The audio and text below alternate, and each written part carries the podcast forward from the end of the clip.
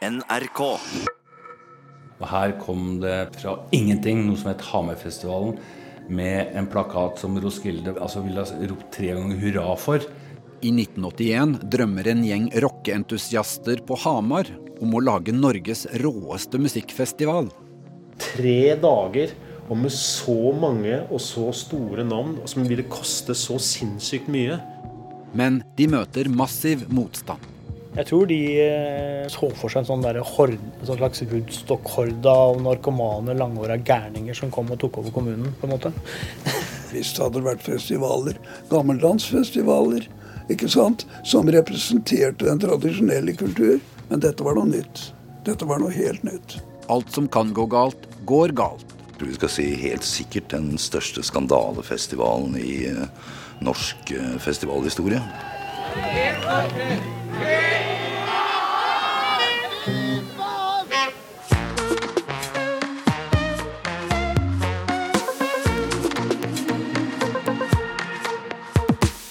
Du hører på hele historien.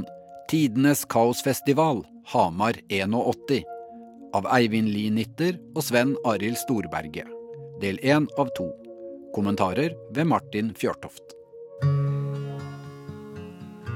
Det er 1970-tallet. Vi er i Hamar på Hedmarken. Det er fortsatt noen år til ideen om Hamarfestivalen skal begynne å ta form. Ivar Dyrhaug er en av Mjøsbyens 16 000 innbyggere. Jeg drev viseklubb der. Jeg drev slags stifta et slags diskotek der. Og jobba med musikk der i de åra. Og spilte gitar sjøl og gikk rundt med langt hår og gitar i Hamars gater. Og det var ikke trygt etter klokka elleve om kvelden. Da var det bygdedyret som var ute og skulle slå meg ned. For jeg trodde jeg var noe. For jeg hadde langt hår. og De var ikke først ute på Hamar med å fange hva som skjedde, i tida innenfor rockekultur, akkurat. Det må man trygt kunne si. Og det var derfor litt overraskende at det skulle arrangeres en tredags rockfestival. Ikke på Hamar engang, men ute på bondelandet eh, i Hedmarken. En by som er stappfull av ungdom. Har dere noe spesielle ønsker for fremtiden? Jeg vil at eh, folk på Hamar begynner å skjerpe seg og begynner å rocke litt mer. Altså, for det er en ganske dødfødt rockemiljø på Hamar. En by Med mange som prater. Men en by der lite 1980-tallet har rukket å bli ett år gammelt, og på Hamar sitter en gjeng musikkentusiaster med store drømmer. Vi satt vel bare og så preka og, og snakka om Roskilde-festivalen som liksom var det store forbildet. Erling Thorvaldsen er 24 år gammel og engasjert i den lokale rockeklubben. Roskilde-festivalen har holdt på i 20 år, og gjengen på Hamar er inspirert av danskene. Vi sendte jo da tre stykker ned til København for oss å snakke med disse Roskilde-folka. Vi ble jo tatt veldig godt imot der nede, og satt inn i tankegangen liksom hvordan de tenkte. så når vi kom tilbake derifra, så tenkte vi egentlig at dette går vi for. Stadig flere i musikkmiljøet på Hamar tenner på festivalideen. Og snart har de en arrangørstab på drøyt 30 medlemmer. Ansvarsområder blir inndelt i forskjellige komiteer. Og i en av disse er Kjell Røysheim, som har deltidsjobb i Forsvaret. Der hadde vi tilgang til eh, Telefax, som var jo noe flott den gang. Så da ble jeg da umiddelbart valgt inn i en teknisk komité. Jeg jobber skift på kveldstid, så jeg har brukt den når jeg var alene på, på jobb. Og via faksmaskina kontaktes artister i inn- og utland. Alle kom jo med sine favorittband, og ville, det måtte jo være knallet på med. Det var jo noen uh, tåkefyrster som satt i den komiteen, og de ville jo satse stort, så de kastet ut store navn som Rolling Stones, og det var jo ikke måte på, husker jeg. Det var hvem som skulle da komme på den festivalen. Av en eller annen merkelig grunn så sa de seg villige til å spille på Hamarfestivalen, liksom. Og det var jo navn som en liksom skulle tro de som var egentlig hadde større krav til økonomisk sikkerhet enn hva vi kunne tilby. Det var vi overraska over flere ganger. faktisk. Det blir ikke Rolling Stones, men faksmaskina får kjørt seg. Og i april 1981 er nok på plass til at festivalstaben tør å sette brystkassa si fram i offentligheten med festivalprogrammet. Med overskrifter som 'Gigantfestival' og 'Skandinavias største popfestival noensinne' presenteres Hamarfestivalen 1981 i landets aviser. Ivar Dyrhaug skal være konferansier. Ja, Den var jo svær. Tre dager til ende. Nesten alt du kunne, iallfall så langt jeg husker, finne på av norske artister. Og så toppa med diverse utenlandske. Det var tre dager, mann. Til nå har Norge hatt festivaler som Kalvøya, Hortensfestivalen og Ragnarok, men ingen har vart lenger enn én dag. Hamarfestivalen slår til med tre dager, og skal også bli den første festivalen som har to scener. Toscenerslogistikken var jo rappa ifra Riktignok med velsignelse fra Roskildefestivalen. Hamarfestivalen kan også friste publikum med det største lydanlegget som noensinne har stått på norsk jord. Du verden for noen ambisjoner, altså. Vi sier ram! Åge Aleksandersen er en av de norske artistene som er booka til festivalen. Året før vant han sin første Spellemannpris for albumet Ramp. Artistpakka det tror jeg ikke var noe, hadde vært noe lignende i Norge noen gang. Lite glimt inn i den store verden, da. Øverst på plakaten troner engelske Mike Oldfield. Vidar Moen i festivalstaben kan nesten ikke tro det. De som jobba med programmet, de hadde jo rappa han foran fra fra Roskildefestivalen, så det var litt av et skup. Mike Oldfield var en bortimot absurd suksess. Mike Oldfield har i 1981 solgt over 10 millioner eksemplarer av albumet Tubular Bells. Og det er helt sprøtt. Den lå på listene i England i årevis. Det var en vanvittig, aldri hørt om verken før eller siden suksess som skapte Mike Oldfield.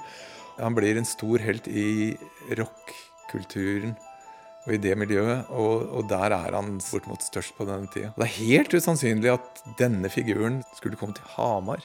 Hvordan i all verden skulle det kunne være mulig? Og det sier også litt om uh, imaget som festivalen etterstrebet. da. At det skulle være litt progressivt, det skulle være nytenkende, nyskapende. Veldig i tida. Men det skrudde selvfølgelig forventningene opp til at her er det en stor festival på gang.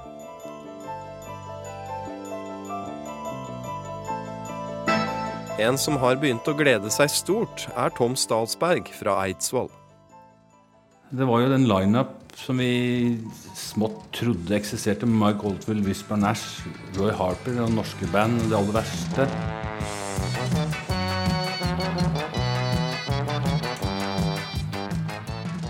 For oss post-prog-hippier da, så var dette et sted vi måtte være. Denne plakaten der var stor.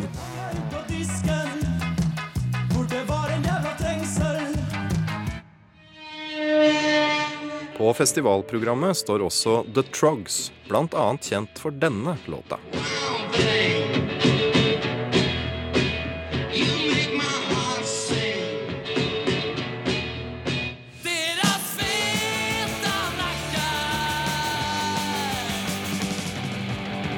Ebba Grøn er flaggskipet i skandinavisk punk, med Joakim Tåstrøm på vokal.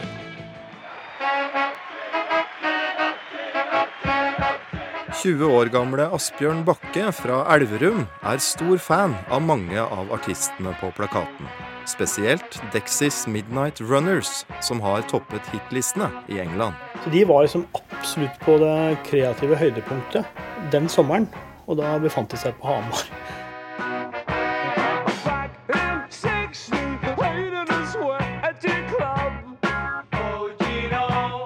Det var mye rockehistorisk sus kombinert med veldig aktuelle rytmer. Pluss litt sånn de aller poppestakkata, sånn som Jannicke og Alex og sånn som man klarte å spa opp fra Norge. da. Svake menneske, jeg sier. Du svake menneske. Hvorfor er du så svak? Hvorfor Det er noe med tida. altså I 1981 så var dette her eh, ganske vilt. Jeg var liksom ikke i tvil om at jeg skulle dit. for å si sånn. Erling Thorvaldsen i festivalstaben er også godt fornøyd. Det står 24 band og artister på festivalplakaten. Sånn som jeg ser det, så hadde vi jo bare store navn på plakaten. For meg personlig så var det liksom eh, Når vi fikk eh, booka Nationaltheateren, det var eh, krem de la krem.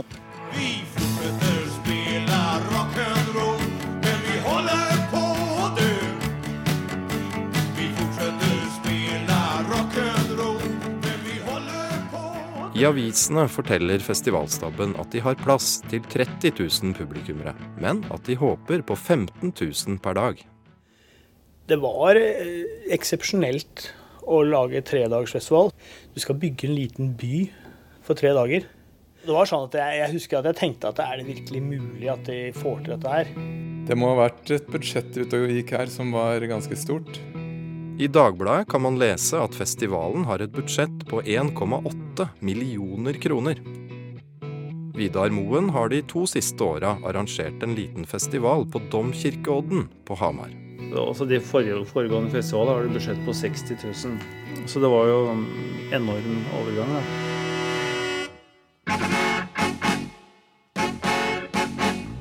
Nesten alle i Hamarfestivalen er unge og idealistiske musikkentusiaster.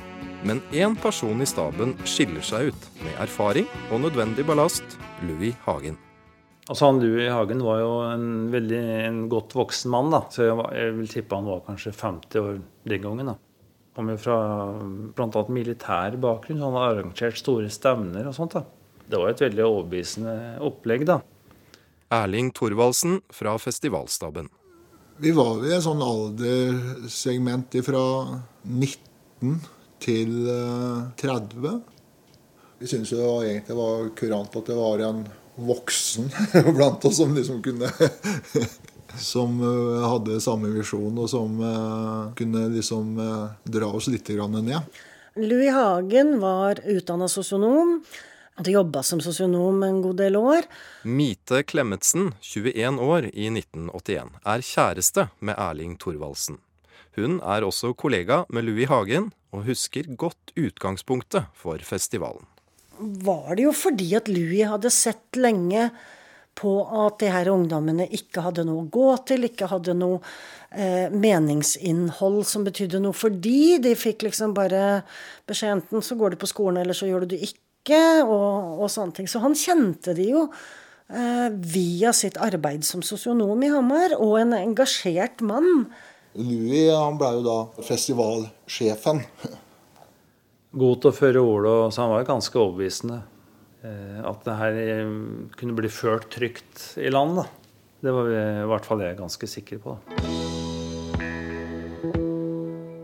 Hamarfestivalen samarbeider med Roskilde, sitt danske forbilde.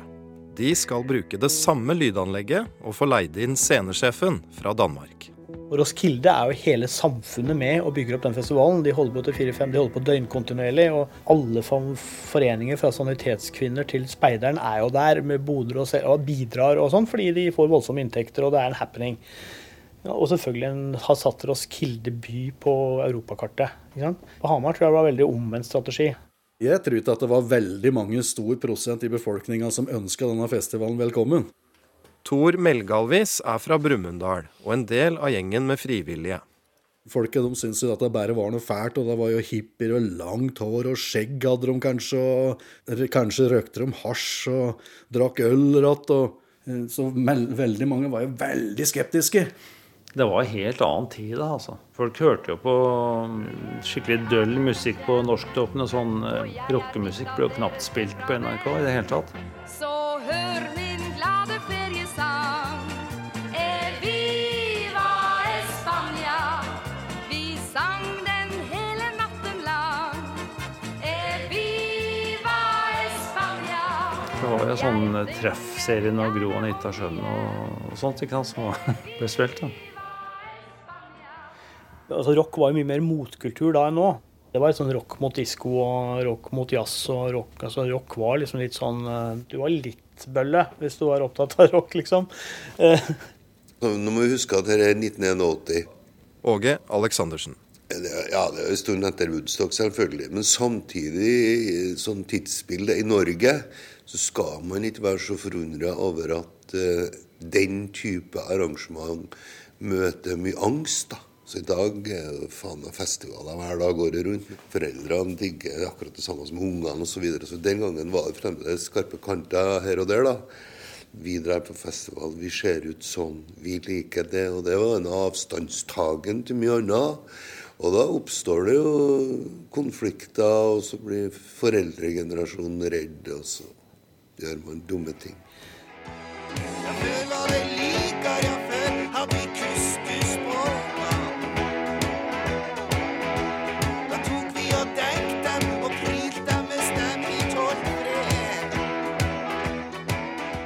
Og det var kanskje det at det var motkulturelt som, disse, som festivalen fikk eh, virkelig kjenne òg, i forhold til kommunen og det etablerte bondesamfunnet som utkanten av Hamar er.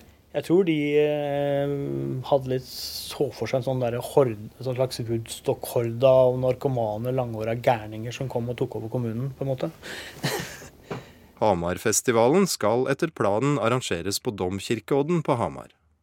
Vidar Moen har vært leder for den vesle festivalen Mjøsrock, som har blitt arrangert der de to siste åra. Politiet var veldig fornøyd. Det var ikke noe rus. ikke noe problemer av noe art. Og til tross for naboenes uh, frykt på forhånd. Men Hamarfestivalen møter ikke samme velvilje på Domkirkeodden. En pekepinn på motstanden de skal få. Domkirkeodden de endra litt De gjorde en del andre krav til Hamarfestivalen som gjorde at de, de krevde veldig mye forhåndsbetalt. Og da ble det problematisk, da. Kalenderen viser april. Det er drøye to måneder til festival, og gjengen på Hamar står uten et sted å arrangere festivalen.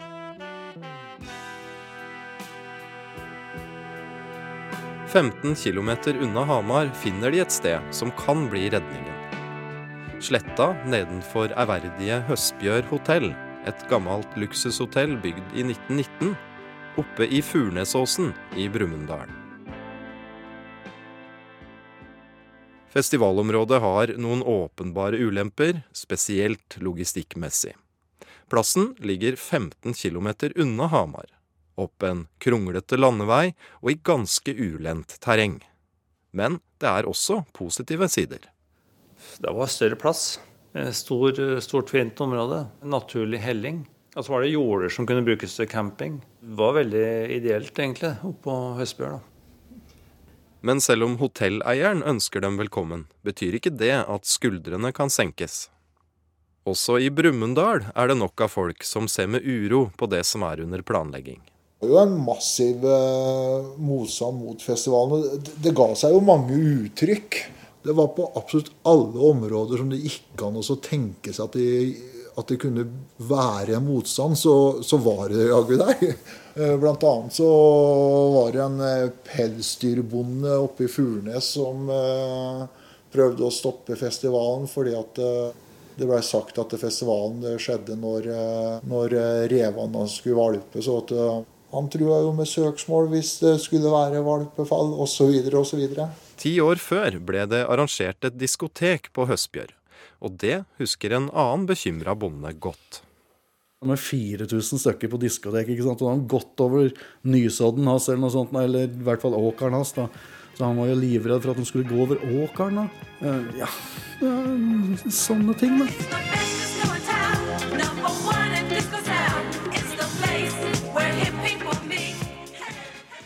For å få arrangere festivalen på Høstbjør er festivalledelsen avhengig av flere ting. Det må søkes om tillatelse fra politiet, og helsemyndighetene må godkjenne opplegget.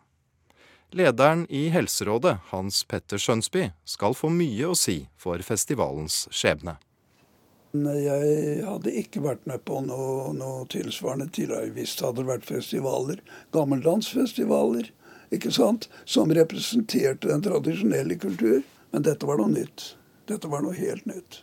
Husk på at her oppe vi, har vi alltid hatt et statisk, statisk eh, agrikulturelt samfunn. Ikke sant? Grunneierne rundt omkring de, de var engstelige her for eh, brann, fyll og faenskap.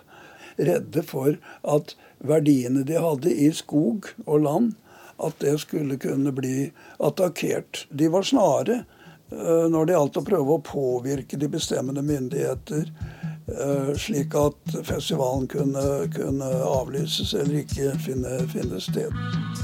Naboer og andre festivalmotstandere går sammen og engasjerer en advokat. Jeg tror han til og med var høyesterettsadvokat. Ja. Han representerte nok, skal vi kalle det da, den etablerte klassen. Med sine fordeler og fordommer. Og som var, etter mitt skjønn, unødig aggressiv. Og var ytterst eh, aktiv for å få Helserådet til å avlyse hele, som jeg for så vidt hadde en hjemmel til.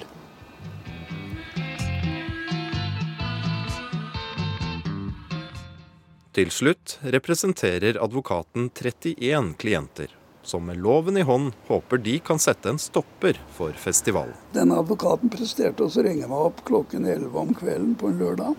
Og var meget agitert. Det var faktisk plagsomt for oss, all denne viraken, eller virak.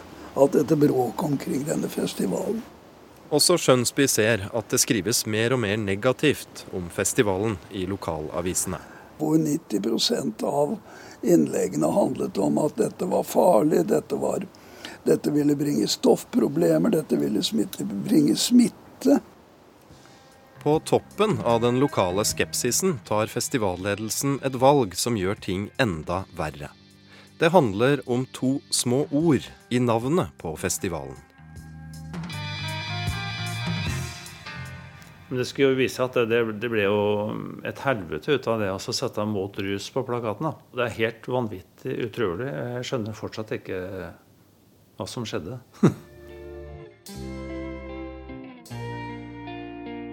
Om man er født blant proletærer og gjør narkotikaaffærer Om man straffad så er det lett at man blir haffad til och från.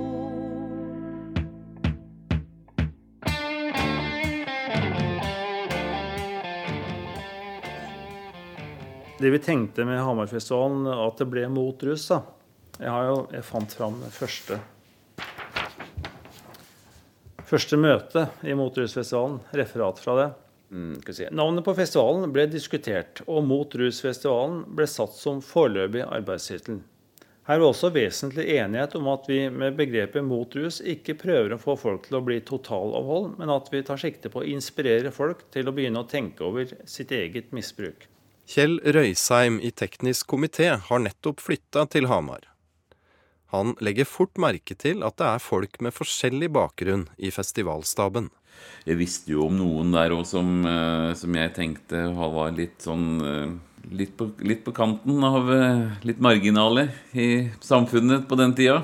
Frisluppende på mange måter. Så jeg husker mor med Når hun hørte at jeg var med den derre Det var jo mye avisskriverier, og det var jo negativt om akkurat sånne ting. I hvert fall når det der Hamarfestivalen mot rus ble lansert. At det var jo, ble jo litt eh, kommentert i forhold til hvem, hvem som var i de som satt bak og skulle arrangere dette her.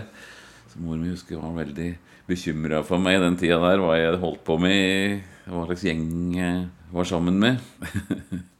det var jo noe av det som gjorde at det ble kanskje litt vanskelig da, å få goodwill rundt omkring. I hvert fall i nærmiljøet i Hamar var det jo vanskelig.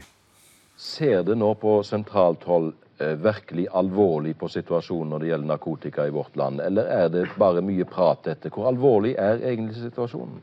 Det er vanskelig å svare helt klart på dette. For hvis du ser på utbredelsen av stoffbruk, så er de undersøkelsene vi har, slik at det ikke tyder på at eter omkring seg de normale ungdommer.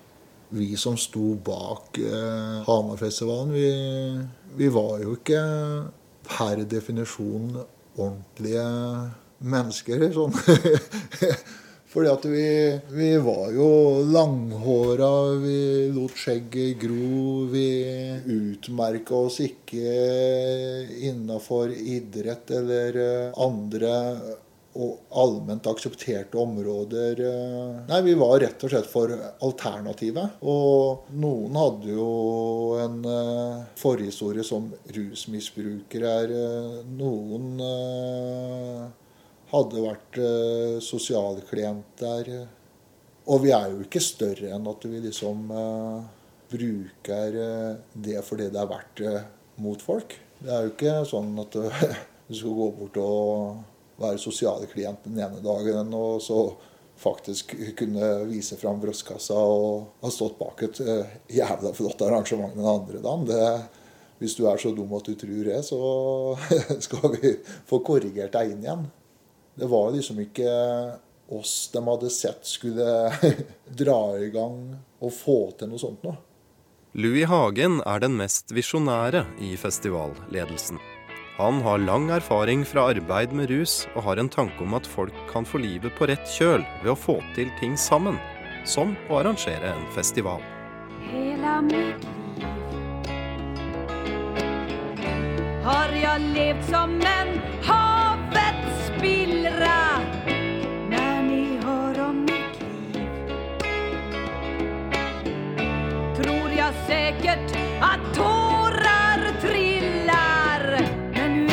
här, jag vill börja om.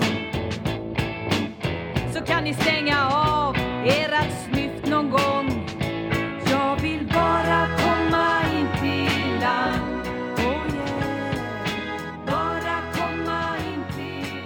Oh jeg tror egentlig at det var eh, derfor vi favna ideen, liksom. At det går an liksom å drite seg ut og allikevel liksom eh, stable seg godt på beina igjen og fungere bra. Det var nok eh, det som var eh, den gode intensjonen i det. Men eh, vi, vi greide jo ikke å formidle det videre. Mite Klemetsen husker hvordan mange så på dem som falt litt utafor. De var uegna, de var uønska. Vi, vi kjente det jo i magen, i ryggmargen. Det her er feil! Hvorfor vil ikke noen se alle ressursene, se alle mulighetene?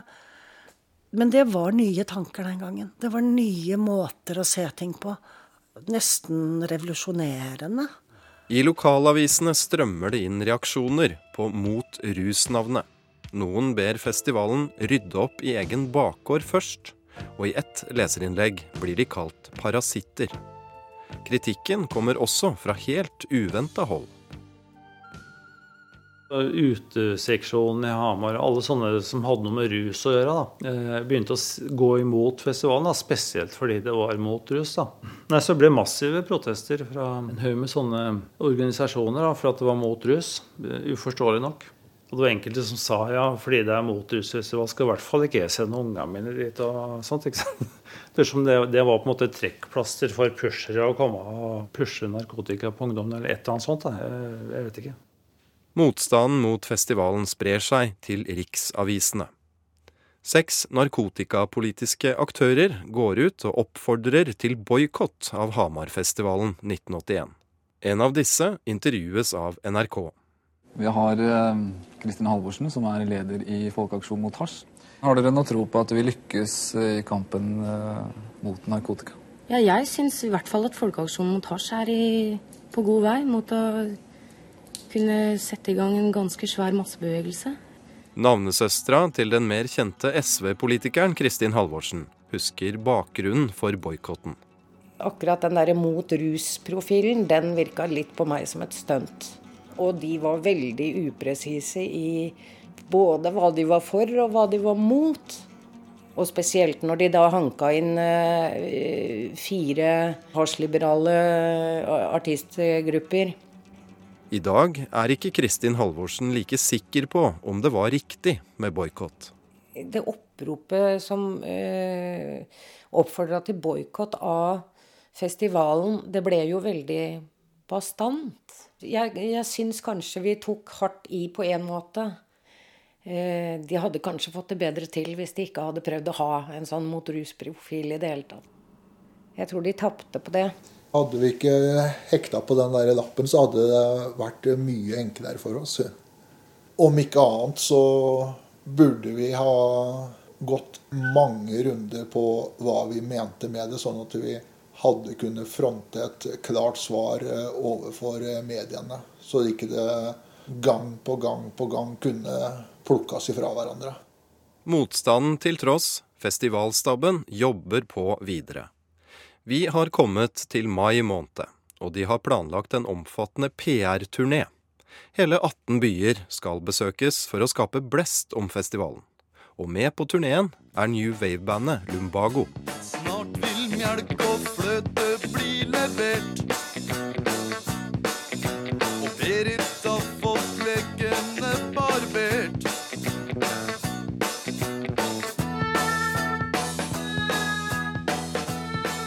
Det startet ganske pyntelig i Hamar og i Kongsvinger.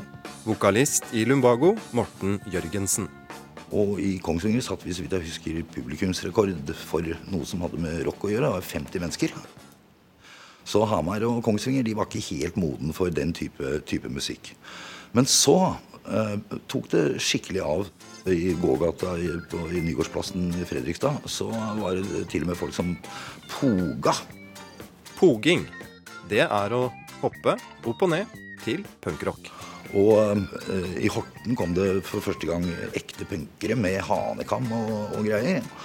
Og eh, det var i hvert fall eh, tre, kanskje 400 mennesker på torget i Drammen. Og på, i, i Byparken i Kristiansand så var det vel kanskje såpass mange som 500. Så det var eh, fullt hus og, og stormende jubel. Dette, dette syns jeg var kjempegøy å være med på. Mite Klemetsen er med som frivillig på turneen.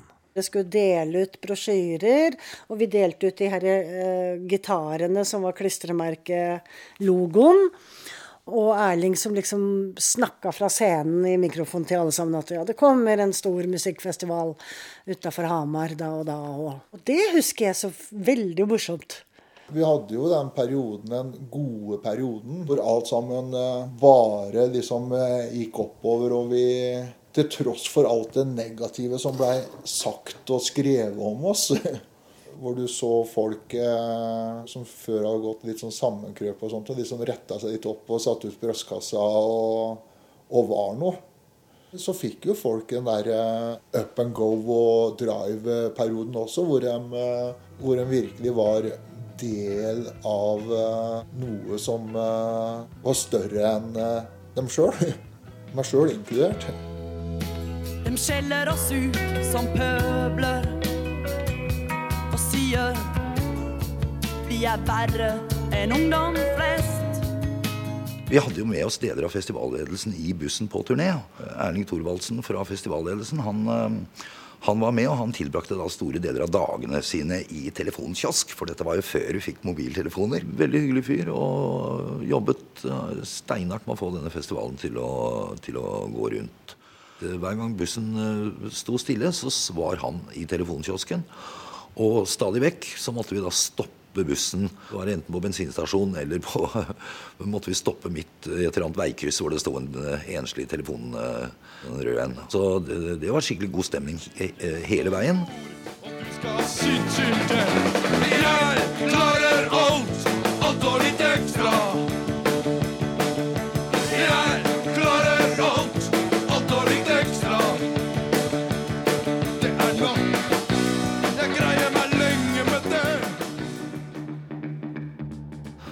krefter var, var mot ham.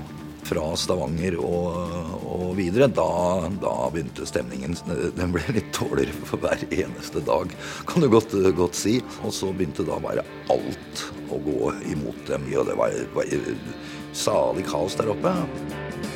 PR-turneen har gitt festivalen god blest og omtale så langt. Billettsalget er i gang. For at millionbudsjettet skal gå i balanse, har de beregnet at de må ha minst 8000 publikummere innenfor portene hver eneste dag.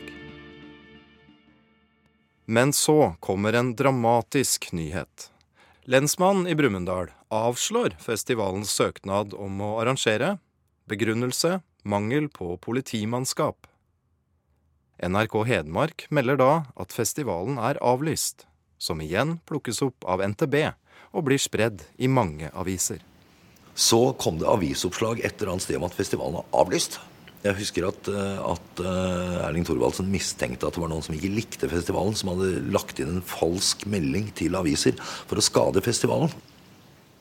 Da kom jo den derre Fra å liksom ha vært i en sånn up and go, så begynte vi liksom da også kjenne på den store angsten. Sånn hvor du liksom eh, Nesten som når du skulle gå ut på kanten av Prekestolen og så titter du ned. ikke sant? Du, du kjenner den klumpen i magen. Du kjenner åssen det blir trukket ut mot uh, stupet. Og du må liksom Du rygger liksom for å være sikker på at du har fast grunn under beina.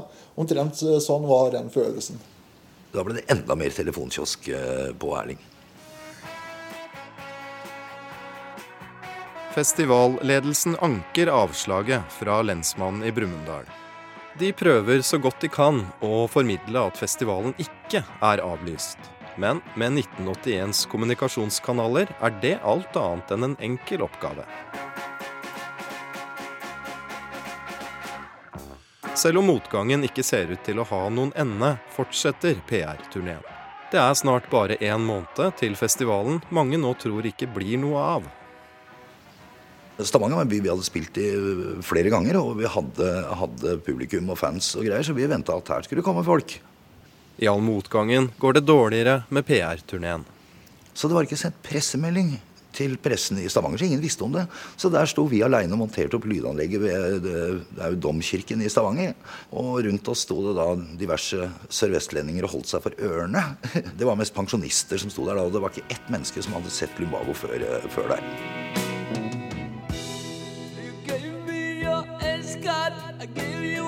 Det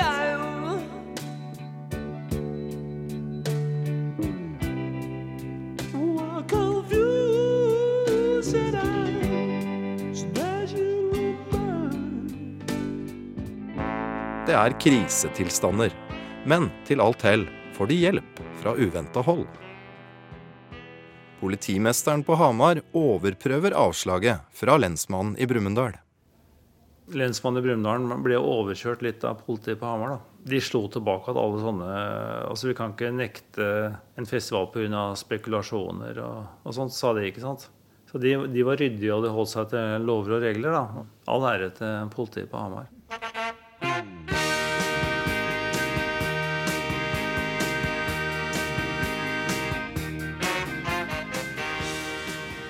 Men gleden over til slutt å ha fått ja fra politiet på Hamar blir kortvarig. Det skjer nemlig en alvorlig ulykke. Det var jo en politisak, det som den ulykka, sånn, så det var ikke noe som festivalledelsen kunne lastes for som sånn. da. Det var knytta opp mot festivalen allikevel. da. Så Den, den tragiske hendelsen om, om den kjøringa som resulterte at en mann døde, da. Det var jo én måned. Én måned før festivalen. I i styret hadde sprøkket og kjørt til fylla og kjørt ned en eh, fotgjenger, eller syklist, som omkom. da. Og mm, Så gjorde de ikke akkurat det saken noe bedre. Dødsulykken preger lokalsamfunnet og omtales i avisene. De hadde jo en logo, en gitar, som var logoen på en måte for eh, Hammerfestival. Og da var jo den bakpå den bilen. Og så var det bilde av den bilen med den gitaren ikke sant, synlig, og, og da ulykkessted. Det er klart at det, det gjorde jo sitt til at det ble eh, enda verre å arrangere. Og, og hetsen ble sikkert ikke noe mindre av det, for å si det på den måten. Så det, ja, den hendelsen var nok en, kanskje mer enn kanskje tenkte over da, at den, den betydde mer, tror jeg, blant folk. For at det var sånne ting eh, For det første er jo Dette er jo ting som du ikke skal gjøre, ikke sant? Og, og i tillegg da er med oss å arrangere den festivalen mot rus, så blir det litt spesielt. jeg tror vi fikk et ganske stort sjokk, gjengen. da.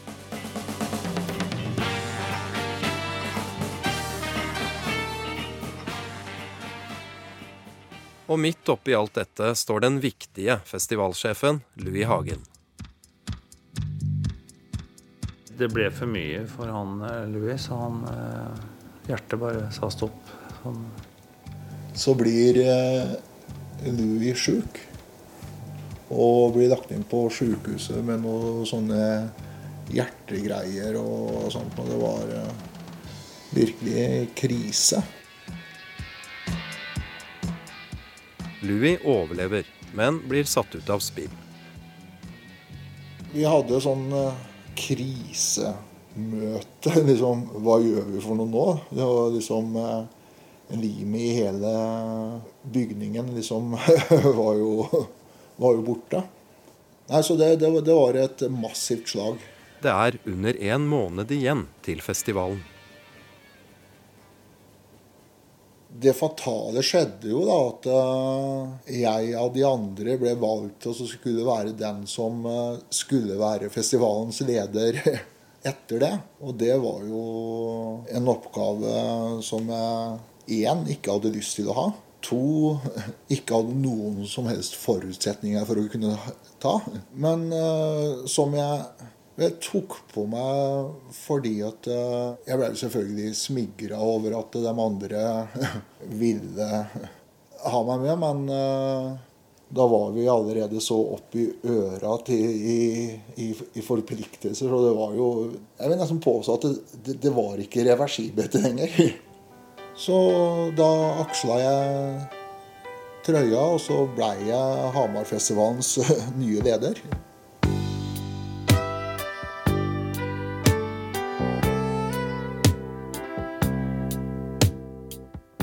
Du har hørt del én av to av Tidenes kaosfestival Hamar 81 av Sven Arild Storberget og Eivind Lie Nitter. Lyd etterarbeid ved Kjetil Hansen og konsulent Kjetil Saugestad. Kommentar lest av Martin Fjørtoft. Følg historien videre. Ja, der sto Anne Grete Paus i hele sin høyde, hun er jo 1,90 høy, med henda i sida og skreik og brølte til festivalledelsen og var rasende fordi at det ikke var penger til artistene. Når det da går rykter om at uh, lederen for det hele er på vei ut av området med en stresskoffert med penger NRK.